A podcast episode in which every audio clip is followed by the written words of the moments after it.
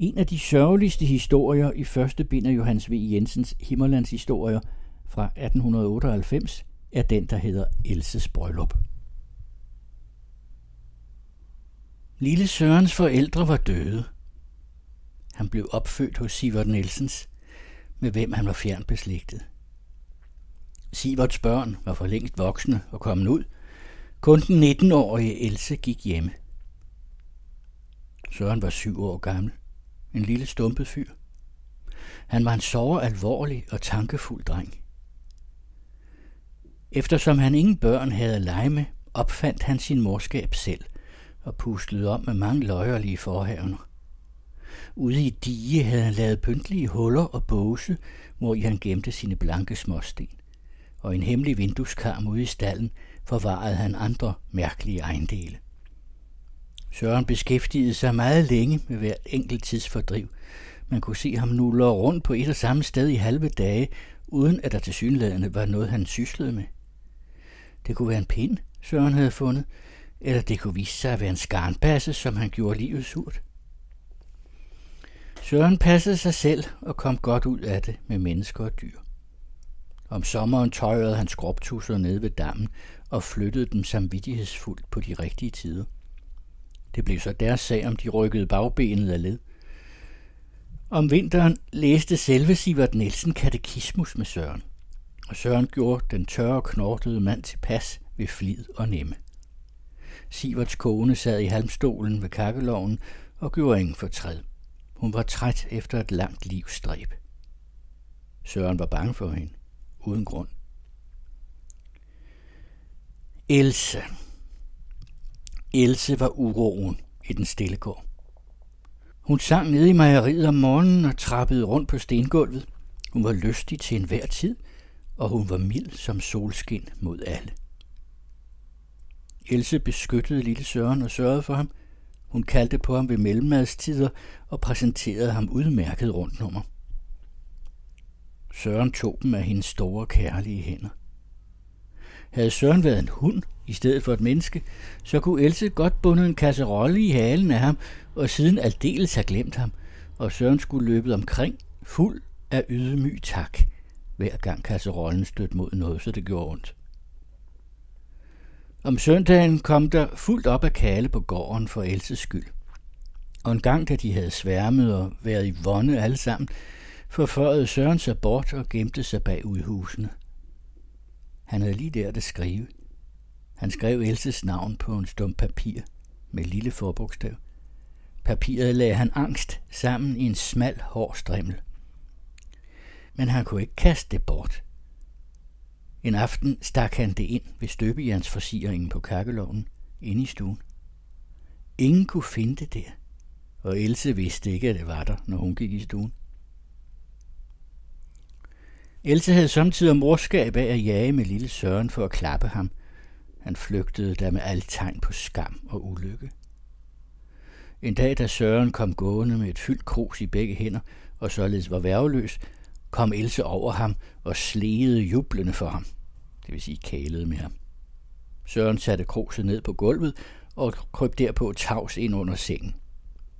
Inde i det inderste mørke stødte han på katten, som han pludselig kværkede, så den miavede i største ophidselse. Men Søren da, hvad gør du ved missen? råbte Else og lå.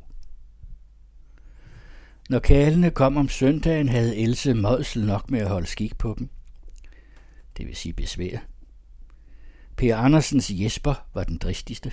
Han var nemlig vant til, at pigerne forså sig på hans kløftede hage og sanselige mund. En dag søgte han under uhyre lattersalver at kysse Else med magt. Det var ude i køkkenet, mens hun kogte kaffe, og alle kalene sad langs af køkkenbordet. Else blev ikke vred, langt fra. Hun lå af fuld hals, og så greb hun den stærke kal ved skuldrene og slog ham bagover i stengulvet, så det svuppede i hans skulderblade. Det var ikke ene galanteri af Jesper, at han faldt så ublidt. Søren så det hele. Han gik bort og skjulte sig et sted. En gang ved et gilde vartede Else op med hvidt forklæde for, og der var ingen, der kunne lade være at se på hende. Guldhåret og skær, som hun var. Gamle folk blev rørte og virrede med hovedet i dybe, dybe tanker. Om aftenen puttede Søren, der også var med, i en stor seng. Dynerne lagde sig om ham som bag. Han smeltede hjælpeløst ned i dem. I mørket hørte Søren musikken og dansen fra storstuen. Fløjte triller, bløde løb og smut, og han blev så forsvindende for sig selv.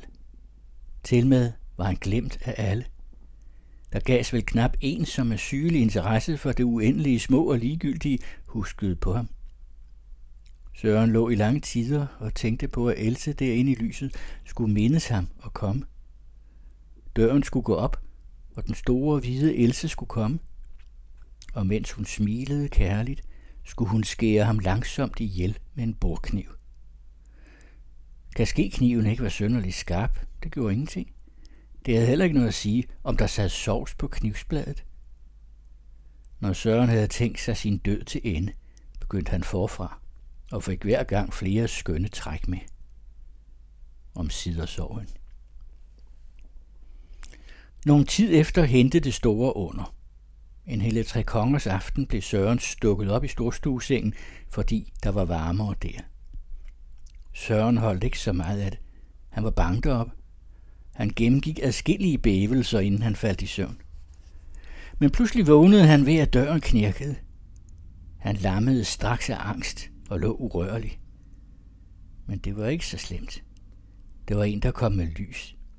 Hun kom listende på bare fødder med et tændt hellig tre kongers lys i hånden. Søren blev liggende stille. Han kunne titte ud gennem en sprække eller en fold, som dynen slog. Else stod lidt stille på gulvet og så sig om på alle de mørke ruder. Der hørtes ikke en lyd nogen steds fra. Så gik Else tøven hen foran spejlet. Hun så ikke deri, men hun løste sin hvide særk og lod den falde. Så hævede hun hovedet og så i spejlet. Gulvfjælene knirkede pludselig. Else lå. Nu slukkede hun i en fart det trægrenede lys, og Søren hørte hende liste ud og lukke døren sagte efter sig. Søren vidste ikke, at man kunne få sin tilkommende at se ved at bære sig således ad. Han tænkte egentlig slet ikke over, hvad det skulle betyde. Han havde set en hvid skikkelse, der syntes ham kæmpemæssigt stor. En gylden sky og tre urolige lysflammer. Men i Sørens hoved dannede der sig bag ved den dybe forundring en anelse om noget som ulve eller lodne dyr, der havde ligget i baghold en gang for evige tider siden. Han følte dunkelt, at der måtte være sket noget grusomt for længe, længe siden. Men nu var der kun det tågede skrækmene tilbage. Men denne blodige grumhed kunne det måske endnu falde i enkelte lykkelige menneskers lod at udøve. Denne djævelske råhed. I Sørens lod ville det ikke falde. Ak nej, ak nej. Lykke kunne han ikke få, for han var så lille og blev næppe stor nogensinde. Else fik mange friere, og Søren gik bort og skjulte sig i en eller anden vrå som en kanin. En gårdmands søn friede formaligt til Else og havde sin far med, der gjorde redde for ejendommen, og da Else ikke ville have ham, blev han ungkald alle sine dage og gjorde ingen nummer ud af det. Når han tog til byen for at skaffe sig noget, så skulle det være sådan og sådan. Kunne han ikke få det, så købte han ingenting, og forklagede heller ikke købmanden. Sådan var den mand. Men om sider fik Else en bejler, hvem hun gav ja. Han hed Laurits og var en køn og imodig kal. Else synes godt om ham. Per Andersens Jesper drak sig fuld den dag og sang en sørgelig vise. Den havde så mange vers, at han faldt i søvn, før den var sunget til ende. Derpå gik Jesper ind som soldat i stedet for en anden. Han havde selv trukket sig fri. Det vil sige trukket frinummer først. Sorgen synes at have gjort ham noget forstyrret. En måned efter kom han til byen i kongens klæder og gik op ad vejen som en hertug.